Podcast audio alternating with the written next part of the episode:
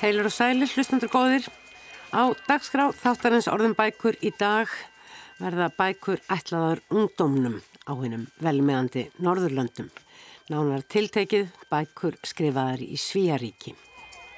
Og hins vegar bækur skrifaðar til upplýftingar geðingum sem á reytunartíma þeirra sagna einhverjum 100-200 árum fyrir Kristburð var þegar farið að ofsækja.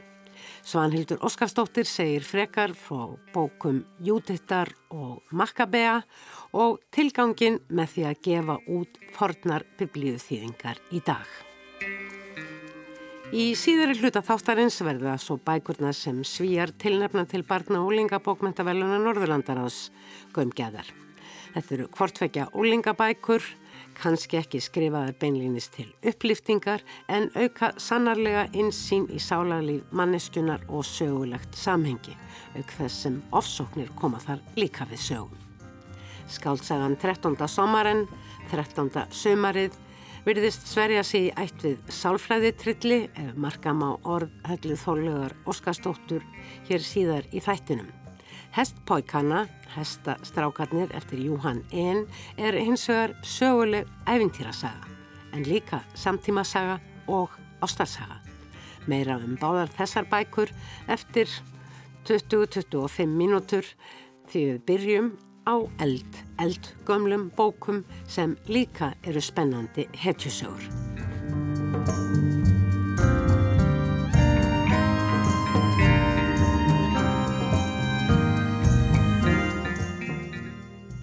Nú á haustmánuðum hó nýri tröðstofnunar Árna Magnússonar að koma út undir yfirskriftinni Fornar biblíuþýðingar. Fyrst í þessari tröð er Júditt. Flest þekkjum við undan og ofan af sögunum það hvernig Júditt, fögur og hugumstór ekja í Bethulíuborg í Gýðingalandi kom á sínum tíma í vegfyrir að Assyriumenn innlimuðu land Gýðinga í ríkisitt með því að tæla holofernes hersauðingja þeirra, högva svo af honum höfuðið og færa það landsmönnum sínum. Æðstaðar á gefinga hafði nefnilega áður ákveðið að treysta í þessu máli á Guð og lukkuna. Við framgöngu Júdittar var herr Assyriumanna hins vegar höfðulegs í þess orðs fylstu merkingu og Ísrael bjargað. Júditt hlaut auðvitað mikið lof og góð laun fyrir framgöngu sína eða eins og segir undir lók bókar Júdittar. Það sem Hólófernis hafiði haft í gulli og silfri og dýrum gimsteinum, það gáði þeir Júditt og tignaði allur líður með konum og megjum og börnum í organsöng og hörpuslætti Júditt þennan lofsöng syngjandi drottni og mælti svo Incipiente domino in timpanis, cantate deo in kýþaris. Eftir þennan sigur kom allur líður til Jérúsalem að fornfæra og efna heit sín. Júdit gaf í forn Guði, hjúp þann er hólufernis hafiði átt og vopnans. Þá var þar allur líður í heilagri skemmtun og heldu fagnadar tíð þrjá mánuðu með Júdit í minning þessa sigurs. Saga Júditar er ein af svo kvöldum apokrífum bókum Gamla testamentisins sem er merkja að hún er ekki hluti af hebresku biblíunni og þess vegna var hún ekki tekin upp í kanon. Það er gerð viðurkend trúaritt í lútersk evangelísku kirkjunni en hlaut um síður kanoníska stöðu í katholsku kirkjunni. Þýðingar tvekja makkaböða bóka sem nú hafa líka verið gefnar út eru einnig hluti af apokrífum rítum Gamla testamentisins. Þar segir frá Júdasi, Makkabeusi og bræðurum hans. Sögurnar um makkabegubræður eiga að gerast tæplega 200 árum fyrir Kristburð eða þegar ríki Alexander Smikla var liðið undir lok og áður en Rómverir höfðu lagt undir sig löndin fyrir botni miðarhafs. Það ríkti því að þessum tíman okkur upplaustn varðandi yfirráð yfir löndum og landamærum. Í bókum Makkabegi er það Antiokus nokkur fjórði sem ræður yfir löndunum þar fyrir botni miðarhafs Hann ofsækir geðinga, meinar þeim að yfka trú sína og rænir musterið í Jérúsalim gersemum. Þá kemur til kasta fimm svona Mattíasar nokkurs sem að áekjan föður sinn stopna einhvers konar ansbyrnu reyfingu. Hver bræðran af öðrum fer fyrir liði til að endurheimta musteri geðinga sem á eignir og lönd. En þeir eru ekki ótöðlegir bræðurnir og í fyrstu makkabega bók falla tveir þeirra eldstu í réttri aldursröð í verulega blóðugum bardugum en hafa þó sigur á endanum. Með þessum sigri var til sjálfstætt ríki gýðinga undir fóristu Hasmonea en svo voru afkomendur makkabega bræðra kallaðir og á það veldi gýðinga hafa staðið í heila öld. En þann dag í dag halda gýðingar árlega ljósaháttíðina Hanúka til minningar um það þegar makkabegar náðu Jérúsalim og sitt vald árið 164 fyrir Krist.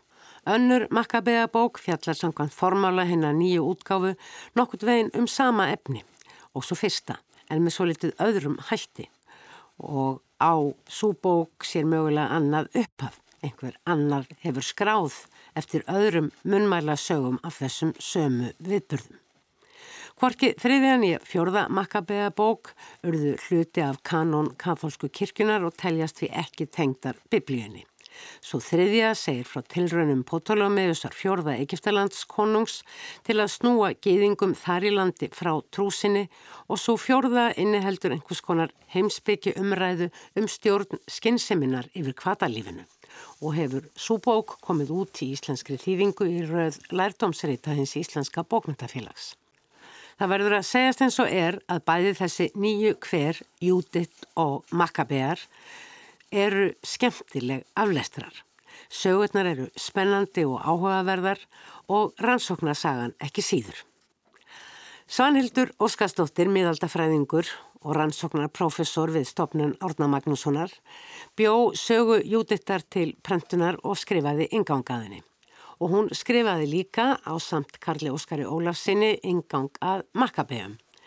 Auk þess sem Svanhildur setur í réttstjórn þessarar réttraðar Orna Magnússonar. Velkomin Svanhildur.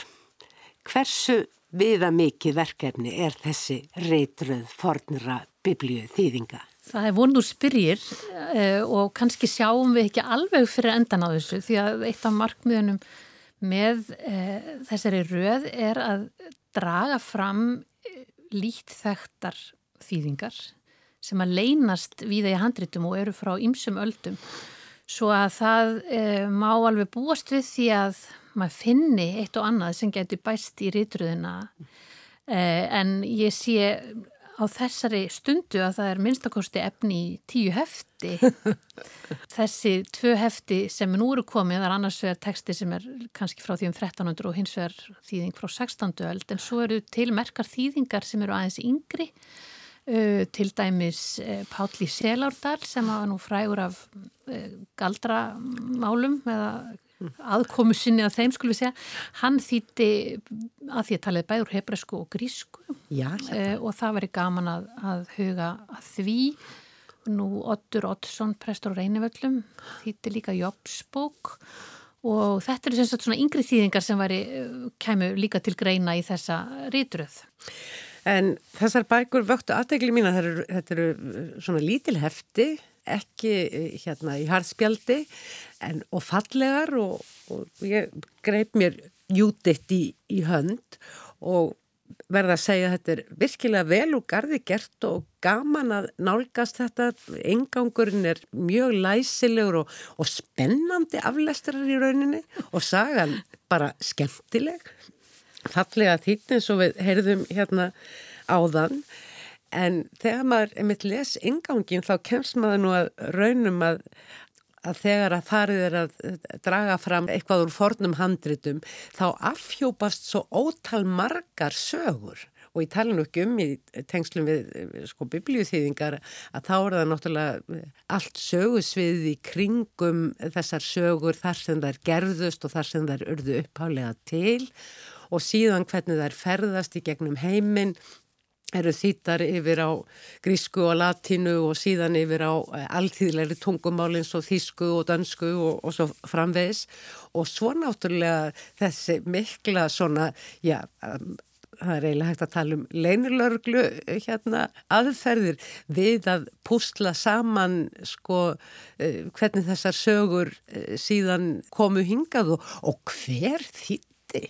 Jú, einmitt. Mm. Það er alveg rétt sem þú segir það er svo ótalmart sem svona kemur upp þegar það er færð að skoða bara í rauninni hvaða gamla texta sem er.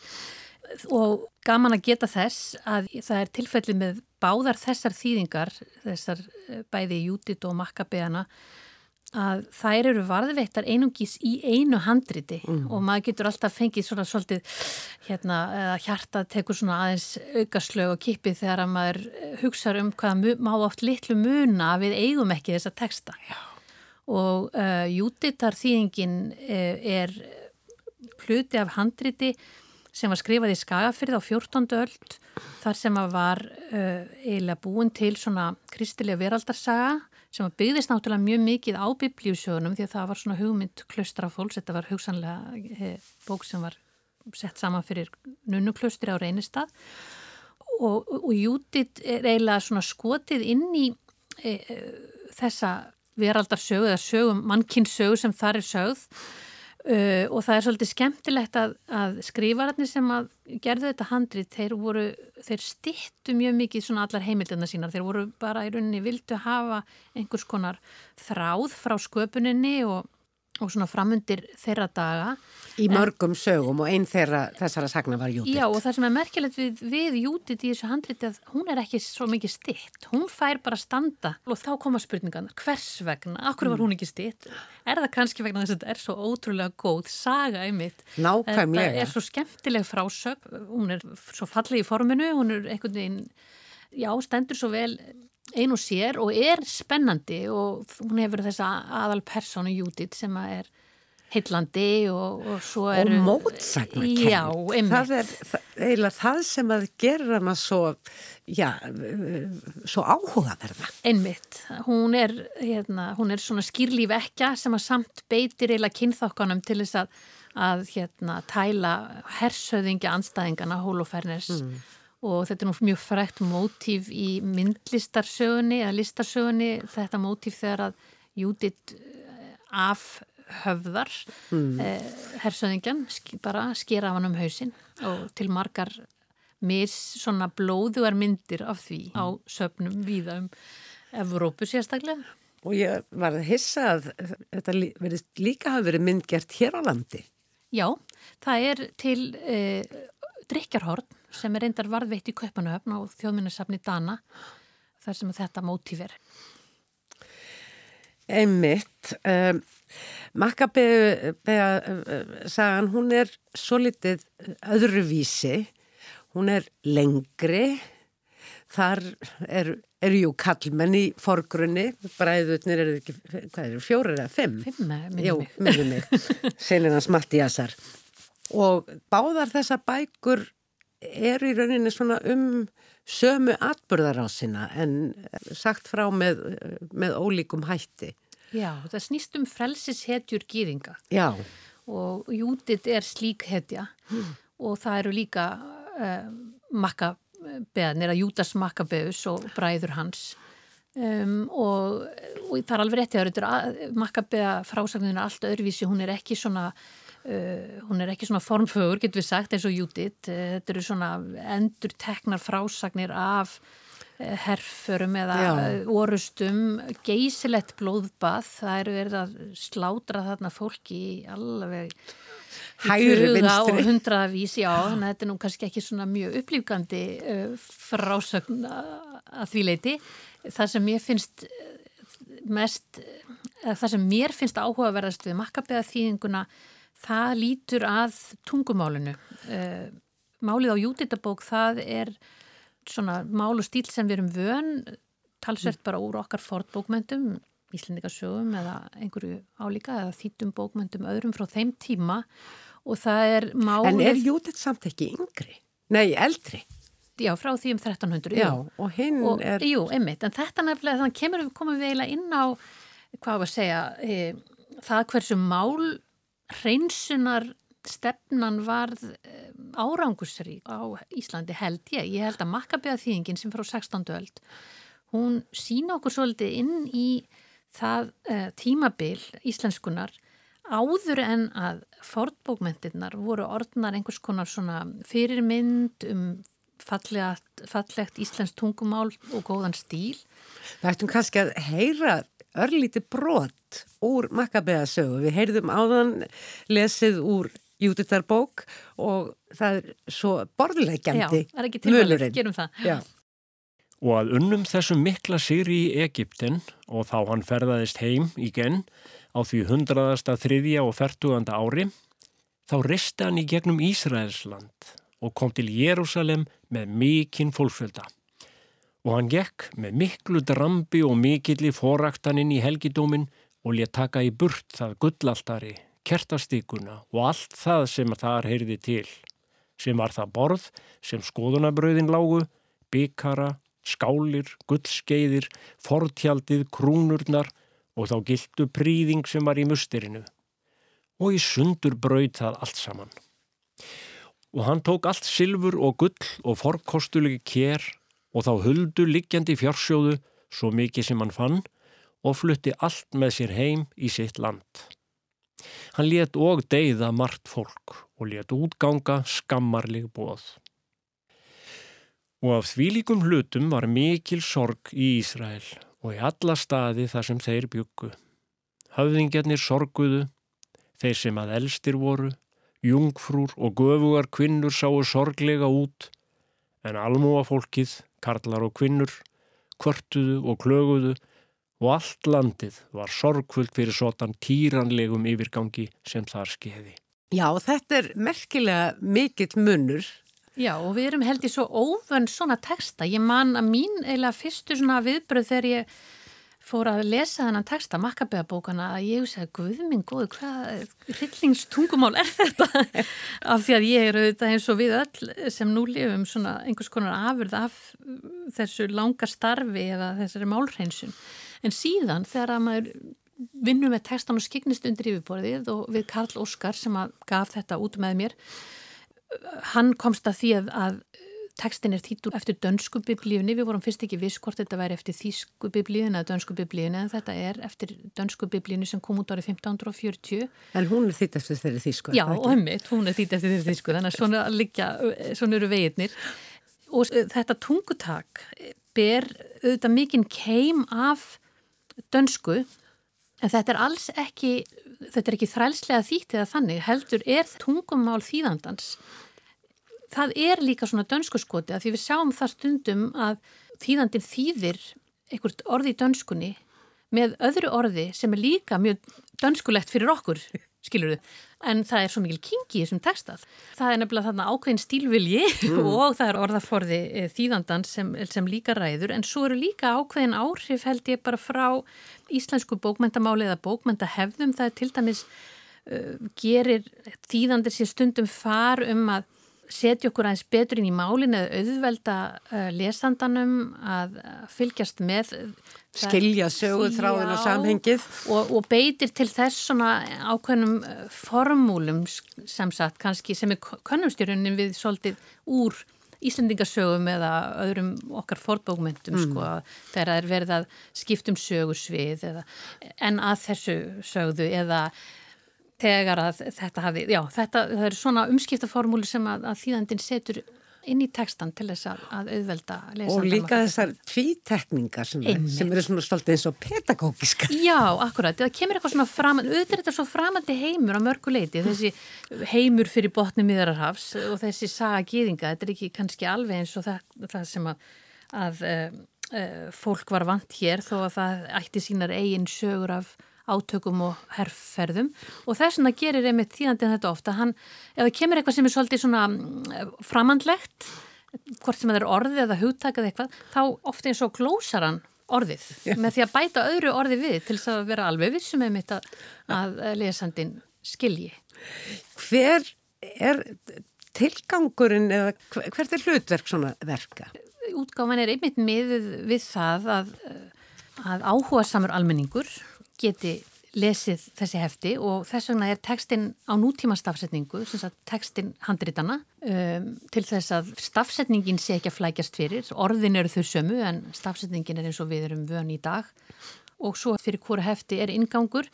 Hann er bæði ætlaður til þess að leiða almennan lesanda svolítið inn í sögurnar en ingangurinn er líka með efni sem kannski er aðeins fyrir utan áhuga síð flestra en, en en gæti verið áhugavert fyrir þá sem sérstaklega er að hugsa um biblíuþýðingar mm. eða sérstaklega að hugsa um þýðingasögu á, á Íslandi eða um íslenska málsögu, getur við sagt. Mm. Þetta er ju grunnurinn að þýðingum. Biblíuþýðingar eru, og ekki bara á Íslandi heldur, kakvart flestum tungumálum það fyrsta sem er þýtt eða hvað? Já, þetta er samt svolítið flókið vegna þess að það var líka innan kirkunar, til dæmis á miðaldum, var líka ríkjandi mikil tortrygni gagvalt biblíuþýðingum vegna þess að það var talin hægt á að orðið bjagaðist, það kæmist inn einhver villutrú og svo framvegis og auðvitað var uh, katholsk messa á latínu þannig að, að Guðspjall og Pistlar væntanlega uh, líka á latínu en auðvitað fer þetta síðan að breytast og það sem er kannski líka áhugavert einmitt við uh, þessar þýðingar og til dæmis ef við tökum Júdit sem dæmi þá er hún eins og ég nefndi áðan þýtt sem eiginlega eins og hluti af einhvers konar mannkísögunir kannski ekki fyrst og fremst þýtt sem biblíuteksti.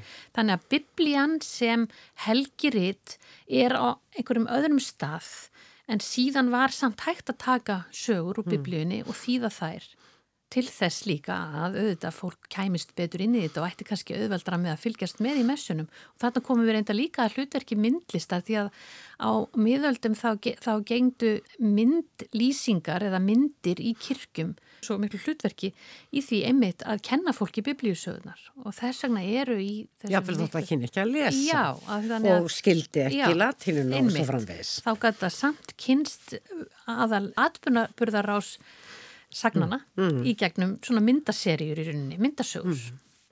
Hefur eitthvað verið skoða sko hvernig þessar sögur því þetta eru ótvíraðar bókmentir. Já. Þetta er, ég segi ekki þetta sé alfarið skálskapur, kannski á þetta sé eitthvað sannleikskildi en eh, fyrst og fremst er þetta skálskapur og þetta hlýtur náttúrulega að hafa líka haft áhrif á sagnagerð almennt. Já, já, það eru þetta til ímsar eh, rannsóknir á því hvernig hvernig mótíf og, og, og uh, jafnvel uh, orðalá og svo framvegs skila sér þarna á milli. Mitt uppáhaldstæmi í því sambandi það eru skemmtilegt hengsla á milli sögunar af Davíð og Góliat og, og eigilsögu vegna þess að búningur Góliats eins og honum er líst í fordum biblíuþýðingum hér, hann er eiginlega alveg eins og og hérna líst er í, í yglu. Já, að eigil klæðist. Nei, já, ég minnir reyndar að sé Þórólur, bróðans. Já, ok. Uh, og, og, Var hann ekki svo fagur á syndum? Jú, jú, þetta er nefnilega svolítið sérstakt, en, en það, er þá, það er þó herrklæðin sem að er aðalatrið. Skil. það eru svona ímsar tengingar þarna á milli. En talandi um uh, rannsóknir, að þegar þið eruð að fara með ykkar eh, vasaljósum um allskynns hyrslur og, og geimslur og söfn út um víða veröld og finna sko eitt og eitt blað þess vegna. Ég haf vel stag bætt Jáfnveg þótt að sjú pappir, það þarf ekki skinn til til þess að það sé bætt.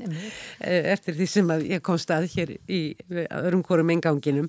Er þetta ekki gríðarlega spennandi stundum. Jú, það getur verið það, getur verið það, vissulega.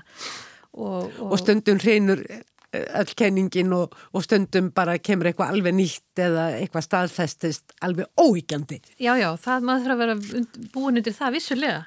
Og það er einmitt gaman með, með þetta handrit sem að makkabeðanir eru varðvittir í, það er einmitt, eins og segir, pappishandrit og það komst til Englands, það var maður að nafni Ebenezer Henderson sem var hér um, í byrjun 19. aldar og var erindreiki breska og erlenda biblíufélagsins sem á sér reyndar hafði mikil áhrif á íslenskar biblíuþýðingar á þeim tíma og Henderson eignaðist handrit hér og þar á meðal þetta sem er þetta eina handrit sem er varðveitt með þessari þýðingu Og það lendi sagt, eh, í sapni Breska og Erlenda biblíufélagsins sem að síðan var sett í geimslu í, í Cambridge, hjá háskóla bókarsafninni Cambridge. En síðasti snúningurinn á sögu þessara bókar er sá að eh, hún var keift af, fyr, já, af fyrirbæri sem heitir, eh, eða af sapni sem, hei, sem kentið fjölskylduna Green, heitir Green Collection og þessi fjölskylda sem er auðmenn þeir standa fyrir byggingu mikil saps í Washington sem heitir Museum of the Bible, bara biblíusapnið og þetta sapn hefur sem sagt núna eignast makkabeðan upprunalegu bókin Já, einmitt. Mm. og hvernig er að skoða þetta? Er... Þið talið aðeins um stafagerð og það þarf að gömgefa, nei þetta getur ekki verið sami maður uh, að, sem að beitir uh, fjöðrinni. Einmitt, við Karl Óskar lögðumst í uh, rannsóknir á því hver hefði skrifað handritið af því að við vildum líka reyna að komast að því hvað við getum vitað um hugsanlegan þýðanda. Og það er ekki óíkjandi en við teljum að séu talsett sterk rauk fyrir því að þýðandi makkabeðana hafi verið Gísli Jónsson biskup í Skálaldi. Jú, það er ótrúlega gaman að sitja með handrit, af því að handrit, eins og ég hef nú stundur sagt, þau eru eins og mannesku, það er enginn tvö eru eins, jáfnvel þó þau séu sískinni, þá er einhver munur og maður færist óneitanlega einhvern veginn nær finnst manni, skrifurunum. Já, þetta verður um, svolítið personlegt. Já, maður, þarna, eru, þarna eru bara drættir, stafir, blek sem að einhver tíman einhver manneska satt og, og dró á bókfell mm. eða á pappir og það er, maður verður aldrei leiður á því einhvern veginn að að takast á við eða fást við akkurat þessi mannanaverk finnst mér mm. það er alltaf jafn gaman Og hvað er þetta fást við einmitt núna? Ég er að skoða uh, það er svolítið tengt þessu, það er ekki alveg beint biblíuþýðing en það er uh, texti sem að í handritum heitir oft Bardómurinn Kristi eða Bardómsaga Kristi eða Bardómsaga Jésu og það er eins og titillin gefur til kynna saga um bensku Jésu og er líka apokryftritt, það er að mm. segja er ekki sem sagt biblíu, biblíu bók en uh, sett saman úr ýmsum gömlum heimildum og var mjög vindsæl bók víða í Evrópu á Norðurlöndum og líka hér. Hún var mm. prentuð í Danmörku og í Noregi og Svíþjóð en hér var þetta stún í handritum. Sannsagt heimili letur skrifað þetta upp. Já og okkar handrit eða okkar þýðing er komin af dönsku prenti sem kom út árið 1508 en handritin eru frá 17. og 18. öld og mm. þau eru ólíkt því sem er með makkabeðan og jútit þá er þetta, þessi teksti til í talsveit mörgum handritum og álæðanlega fleiri eiga eftir að koma í ljós, við erum búin að finna 14 og, og þetta er teksti sem ég stefnaði að gefa út og það er gaman. Og verður það hluti af þessari reytröðu eða? Nei, en jú, svo verði í sko svipuðu formi. Svipun stíl. Já, svipun stíl. Já og uh, hún fær ekki alveg inni vegna þess að þetta er ekki runni biblíuteksti uh, en eftir þess, þessari sögu voru líka orta rýmur sem voru líka mjög vinsalega það var sér að Guðmundur Erlendsson í Felli í Sléttulíði skafiri sem orta þessar rýmur Og hvena var það? Það var á 17. öld Þetta efni fekk nefnilega mikla útbreyðslu mm. bæði í söguformunu og með rýmunum og enda langar náttúrulega alla til þess að heyra sögur að Jésu litla og, mm. og svo rataði sumt af þessu efni með þessi inn í þjóðsögur það er, e, af því að við erum nú búin að tala svolítið um myndlist, þá vil ég endilega nefna það að það er óskaplega fallið alltaristabla í Ísafjörðarkirkju sem er eftir Ólöfu Nordal og er eiginlega svona skúlturverk, já, það eru ja. margir, margir fugglar sem að hún fekk e, Ísfeyðinga til að móta og þetta er mótíf úr einu, einni af þessum sögum um bensku Jésu þar sem hann eh, gaf lerfuglum líf. Og það leiður okkur kannski líka að eh, hvæði Davíð Stefansson að snert hörpu mína heimilu borna dís að ég hlýta að geta sungið í þá líf. En svona veit maður ekki hvar þræðin er líka hugsanlega er þetta allt En þetta er, af sömur út. Já, hugsanlega er þetta allt af sömur út og líka, og gríðarlega spennandi og, og gerir nú alltaf að tala um það að heimurinn sé orðin svo lítill en þetta dregur tíman svolítið saman. Já, einmitt. Það gerir það og mér finnst svo gaman einmitt og það var ástæðan fyrir því að, að við vildum hafa þessa texta svona eh, aðgengilega. Okkur langar til þess að fólk komist svolítið í samband við þessa texta og einmitt eins og þú lýsir að, að tíminn skreppi svolítið saman. Við erum svo heppin að við getum lesið þetta án mikillar fyrirhafnar mm og það er ómetanlegt að eiga þessa teksta og það er okkar að reyna að koma þeim til ykkar. Og við þökkum kærlega fyrir það og takk Svanhildur Óskarsdóttir fyrir að, að svona opna þetta en frekar fyrir okkur þessar fyrstu fornu biblíuþýðingar sem að hafa komið út, Júditt og Makkabear. Mín var ánægðin.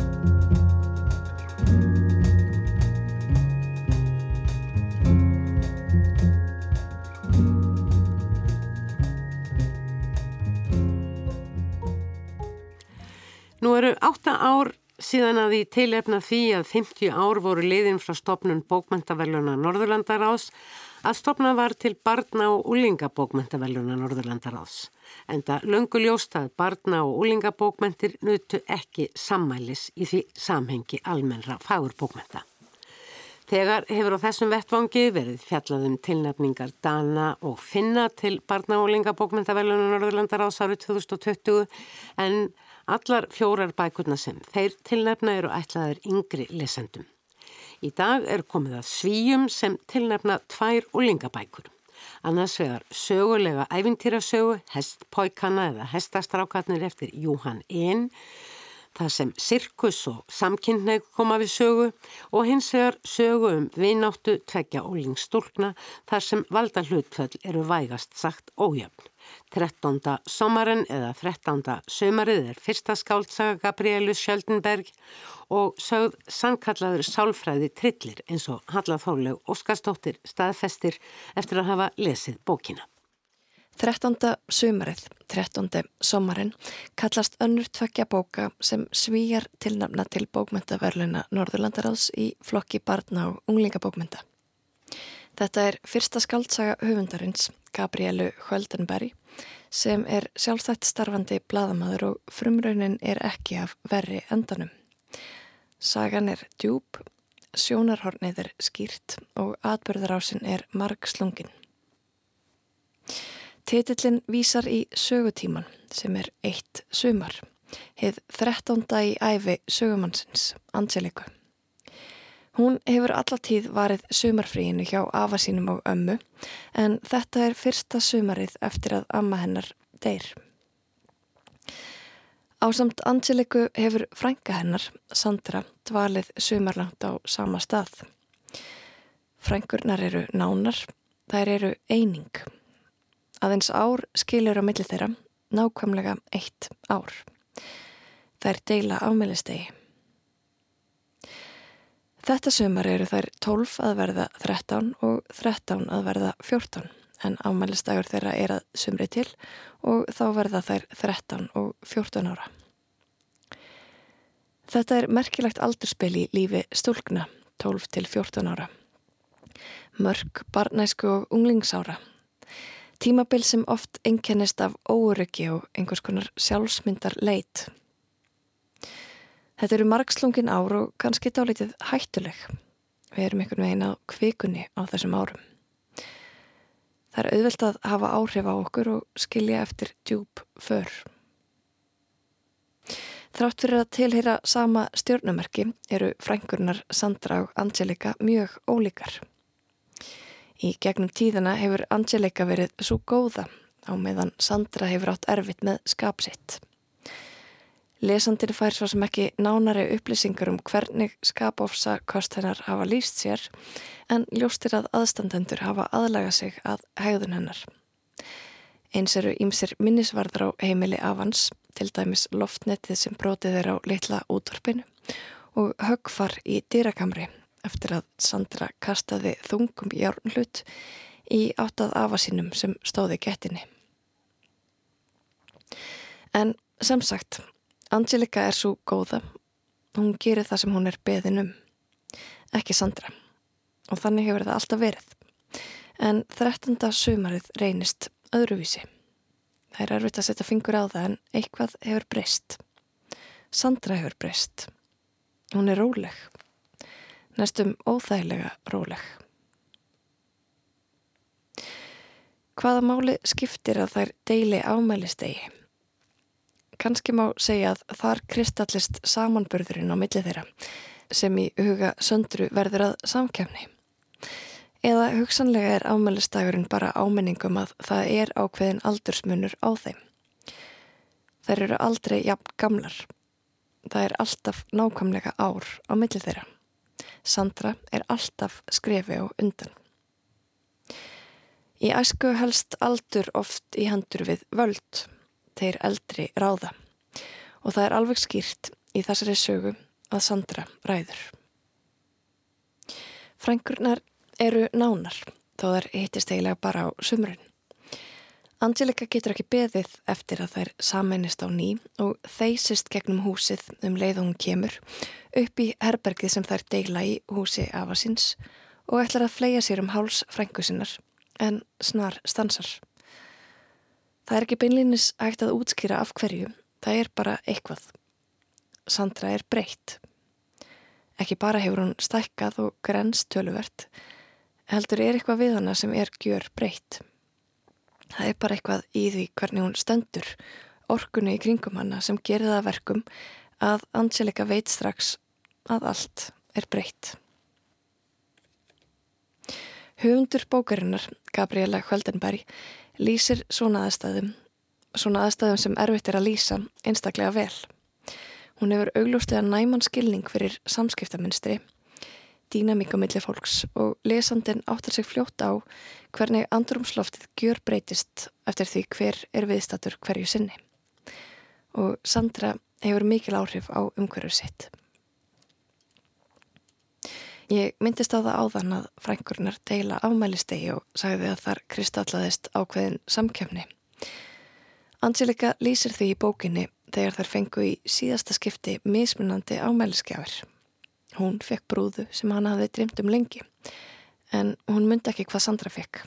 Hún myndi bara að þegar hún hafði opnað gjöfina þreif Sandra brúðuna, hljóp upp og lokaði sig inni á klósetti. Þegar hún loksins opnaði hafði hún stungið augun úr dukkunni og skorið útlimina af henni. Eftir þetta fengu þær alltaf nákvæmlega eins skjafir. Umhverfið aðlagaði sig að söndru í forvarnarskyni.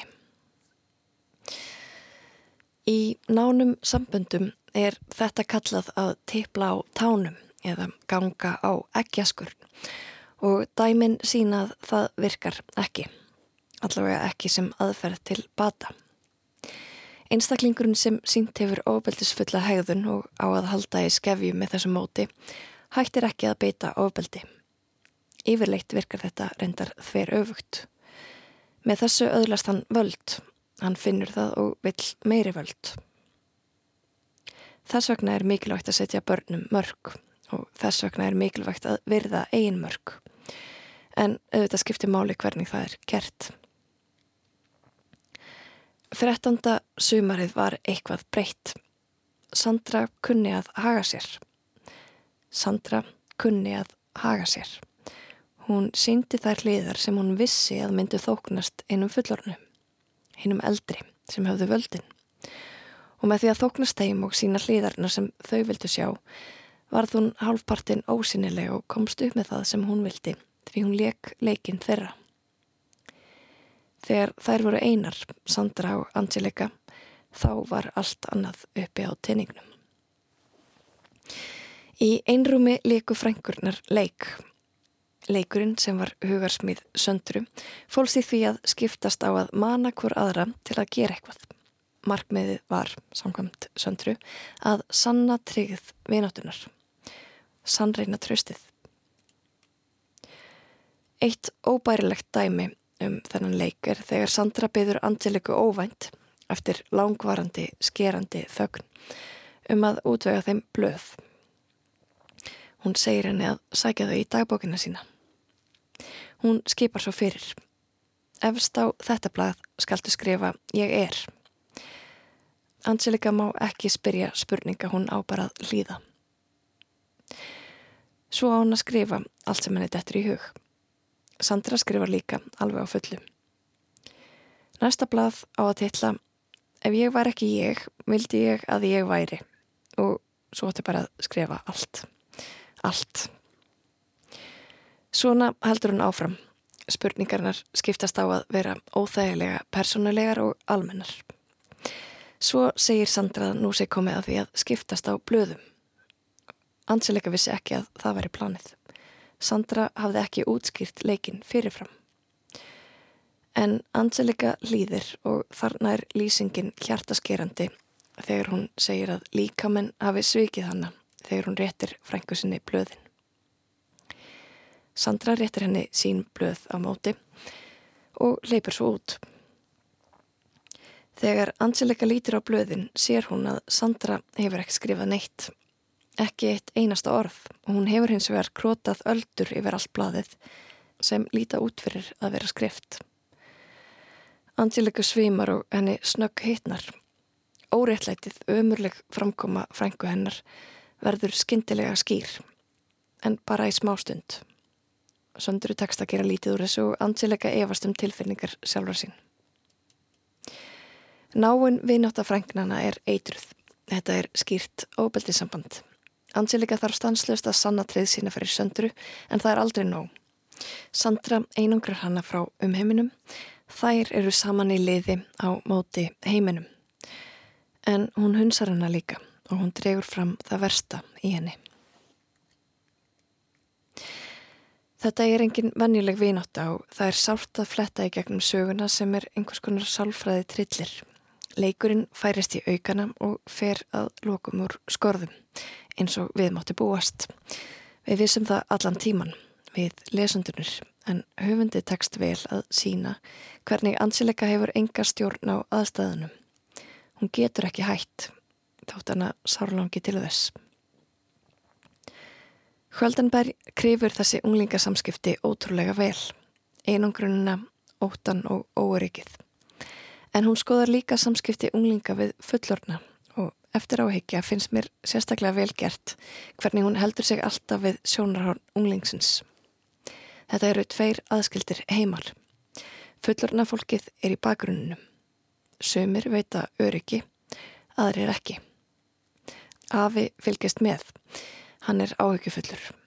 Rut, vingona hans, sem byr í næsta húsi, er það líka. Hún er óryggi kringum söndru, en hún er lí og traust þegar hún er ein með Angeliku. Mæður stólknanna er eins vegar fjárverandi. 13. sumarið var bara ljósi á viðkvæm samskipti unglingsárarna og tók streytuna sem enginir þennan tíma, hvernig valdavægið er óstöðugt og mörkin stanslust í þróun. Bókin fjallar um mörkinu millir þess að vilja vera séð og vilja vera ósynileg. Að skilja aðra og treysta á eigið innsægi. Og hún fjallar líka um það hvaða afleðingar það getur haft að þurfa stanslust að sanna sig fyrir einhverjum öðrum og hvernig hægt er að stýra frásagninni, jafnvel meðan hún á sér stað, með lúmskri valdatækni í samskiptunum. 13. sommarinn eftir Gabrielu Höldenberg Annað framlag svíja til barna og unglingabókmyndaverluna Norðurlandaráðs er spennandi, óþægileg, ógrunvænleg og setur sannarlega eftir í lesandanum lengi. Bókin fjallar um andlegt ofbeldi, hvernig það magnast smám saman upp og getur haft ræðilegar afleðingar á marga vegu.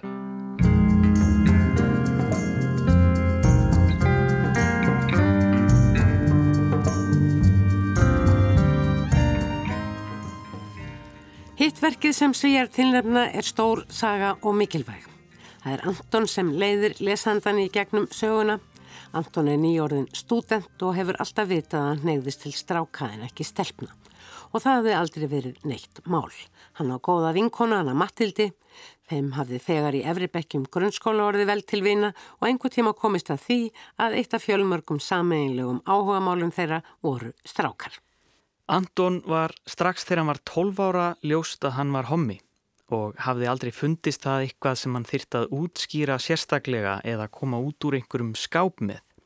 Húnum hafði þótt æðislegt að taka þátt í öllu í sambandi við gleðigönguna og hann hafði aldrei fundið til þess að það þyrti að gera sérstakka grein fyrir því hver var hommi, lesbía, bí eða hvað svo sem maður kaus að vera. Fjölskylda hans veit hvernig hann er og hefur alltaf verið opinn gagvart því og það fer í taugarnar ánum þegar fólk spyr hann hvort hann sé hommi. bara svona til að vita hvort hann sé gei eða ekki. Það hafi sko ekkert á móti homum og bætir svo gert hann við að sem betur fer búum við í samfélagi þar sem allir geti verið þar sem þeir eru. Anton leiðast svona samtöl og vill bara vera þar sem hann er. Anton er með öðrum orðum afslappaður ungur maður og kynneið hans er bara hans mál og þeirra sem hann laðast að. Í byrjun sögunar hefur hann kynst Peter. Peter er ljósmyndar og listamaður nokkurum árum eldri en hann sjálfur og Anton er einfallega ástfangin. Peter er reyndar mikið í burtu, vinnu sinnar vegna og Anton hefur svolítið áhyggjur af því að heyra lítið frá honum. Samband Peters og Antons er reyndar aðeins hlýðarsaga í þessari tæplega 400 blaðsina lungu skáldsögu Jóhanns Einn en ágætt speklun á hitt strákasambandið sem sagan greinir frá og hefst í Prag árið 1926. Sú saga segir frá tveimur stráklingum, um það byrj tíu ára gömlum, sem allast upp á munaðarleysingjahæli í Tjekkoslovakíu. Þar er mikil áhersla lögð á líkamsrækt og þar eru líka hestar. Þeir Jannek og Sasha eru frábærir og framúr skarandi akrobatar á hestum og koma fram í síningum. En þeir verða líka að hlýta reglum barnaheimilisins sem stundum gengur ekki alveg eftir. Engum Jannek og stundum erfitt.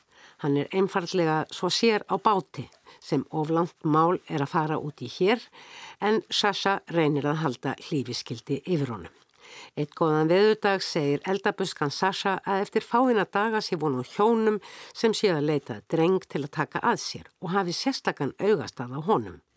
Slíkt er auðvitað draumur sér hvers munaðalös barns á barnaheimili.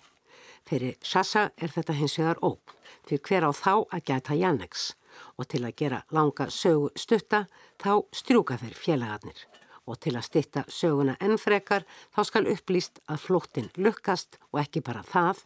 Í krafti akrobatískrar femisinnar fá þeir félagarnir starf í Sirkus Barsotti. Þeir fá vagn til búsetu og dóttir fílatemjarans Bruno, loftfimleika konan Silvia verður þeim einskonar stórasistir. Munaðarleysingjarnir Janek og Sasha hafa með öðrum orðum í fyrsta sinn á æfinni eignast heimili og fjölskyldu og skáldsagan Hestpóikarna er því klassísk ævintýra saga öðrum þræði.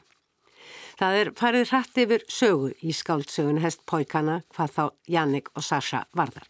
Þeir eldast og það kemur að því að þeir uppgötva að tengslinn á milli þeirra grundvallast ekki aðeins á sameinlegum uppruna, bræðra, þeli og listrænu samstarfi heldur bera þeir ástarhug hvort til annars. Ár eftir ár ferðast þeir með sirkusnum þess og krussum Evrópu frá einni borg í aðra, frá Sófíu til Mílanó, frá Kraká til Parísar. Í París fara þeir á eina fríkvöldinu sínu árið 1932 á Múlin Rús og tróða þar upp. Það fellur ekki í góðan jarðveg hjá sirkustjóranum því í sirkusnum gilda stránga reglur um almenna hegðan og árið síðar er sirkusin komin til Berlínar og okkar menn á fríkvöldu sínu sestir við barinn á klubnum Eldorado. Sjáðu, hrópar Janek og bendir í áttinað barnum. Sasha lítur í sömu átt og Janek og sér að við barinn sitja tveir karlmenn á þrítugsaldri og kissast innilega, algjörlega feimnislaust. Þeir láta sig augljóslega engu skipta að allir í kringu þá gætu séð hvað þeir er að gera. Kanski vegna þess að enginn fyrir utan Sasha og Jannek gefur mönnunum sérstakann gaum. Mér finnst þetta æðslegu staður, segir Jannek og tekur í hönd Sasha. Og ég með þér, svara Sasha og beigir sig fram og gefur Jannek koss beint á munnin.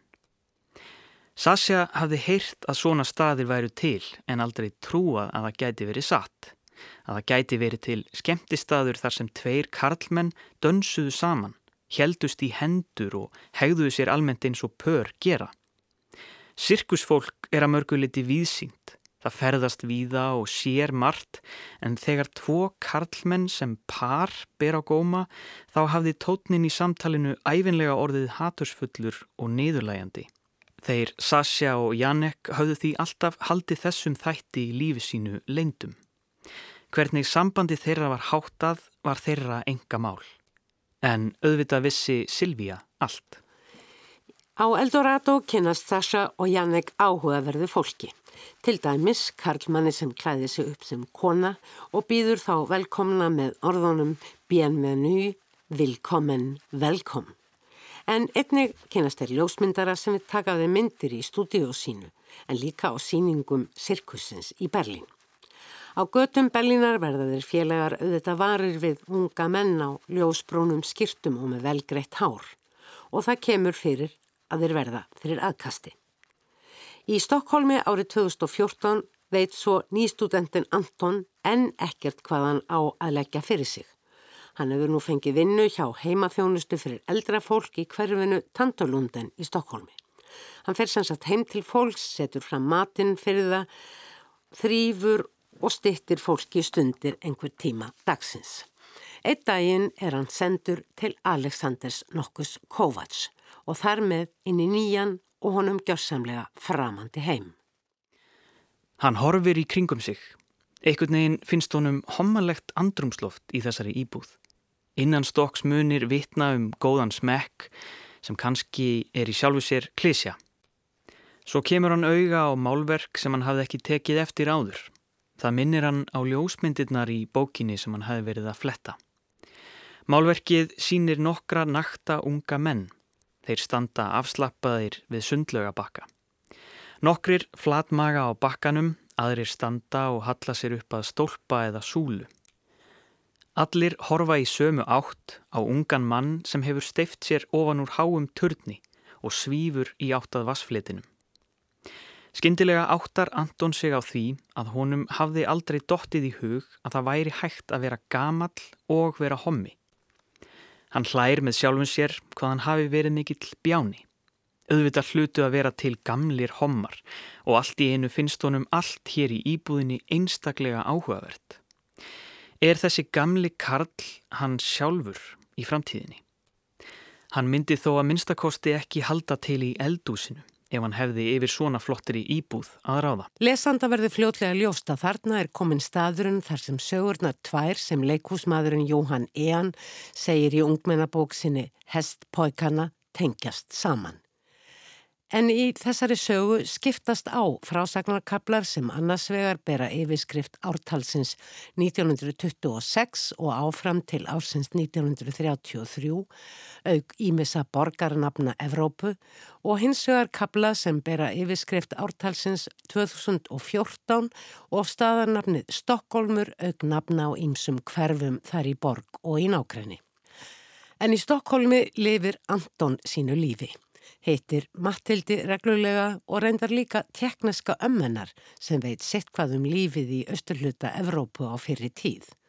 Reglulega heitir Anton líka Petur og einnig þeir finna stundum fyrir enkennilegri afstöðu eins og þegar þeir heita tvo svíþjóðademokrata sem vilja fá Petur til að kjósa sig. Því þeir muni losa svíþjóð undan muslimum sem oft sækju samkynneiða smart fletta hjá höfundinum Jóhann Einn um það hvernig snúam á upp á víðsíni og umburðarlindi í líðaði samfélagum. Í skáldsögunni hestpóikana eða hestastrákarnir eins og ljóst má vera saðar margar sögun, engum þó tvær. Saga hestastrákana Sasha og Janeks og hins vegar hestastráksins Antons. En ein hliðasaga þessara löngu skáldsögu er barningur Antons við hest sem hann hefur til umræða. Það er því fleir en samkynneiðin sem gerir að verkum að Alex Kovacs og glæsilega búin íbúðans vekur svo mikinn áhuga Antons. Gamli maðurinn veit nefnilega allt um hesta. Það er endar all flókið að eiga samskipti við þannan gamla tekka sem talar ekki. En hann skilur og hann svarar með því að banka með einhvers konar stöng eða staf í gólfið tvisa sinnum til að segja nei og einu sinni til að segja já. Það má varðla á milli sjá hvort þessara raunsægi sagna er meira spennandi. Saga daglegst lífsins samkynneiða tvítuga Anton sem vinnur í heimaþjónustin í Stokkólmi árið 2014 eða saga, já hvað er maður að segja, ógiftu hjónana, Janeks og Sasha á þvælingi með sirkusum Evrópu millistrísárana. Síðast lendaður í Berlín á tímum nazismans með öllu sem því fylgir. Með stefnumóti þessara tveggja, Antons og Alexander Kovacs, speglast aðstæður samkynneigðra á tveimur tímabilum sögunar í lifandi frásögn. Í gegnum bækur og bref, skýslur og blada úrklippur, auk hundruða heitlandi ljósmynda á karlmannum við margskonar aðtapnir, fær Anton og þar með lesandin insýn í þessa sögu, sem er sannarlega áhugaverð fyrir okkur öll, falleg og hræðileg í senn og höfundurinn Jóhann Einn kafar djúft í þessa sögu. Bæði hvað var þar tilfinningarlega upplifun persónu sinna við allar mögulegar aðstæður og sögulegar staðrendir varðandi samkynneiða í Evrópu. Jóhann Einn er leikari og leikskáld. Hann starfar sem listrætt stjórnandi leikusins Barbara í Stokkólmi. Hestpókana er önnur bókans, svo fyrri, Down Under, mun vera sjálfsæfisöguleg og fjallaðum það að aðlaga sig umhverfi sínu en standa um leið með sjálfum sér.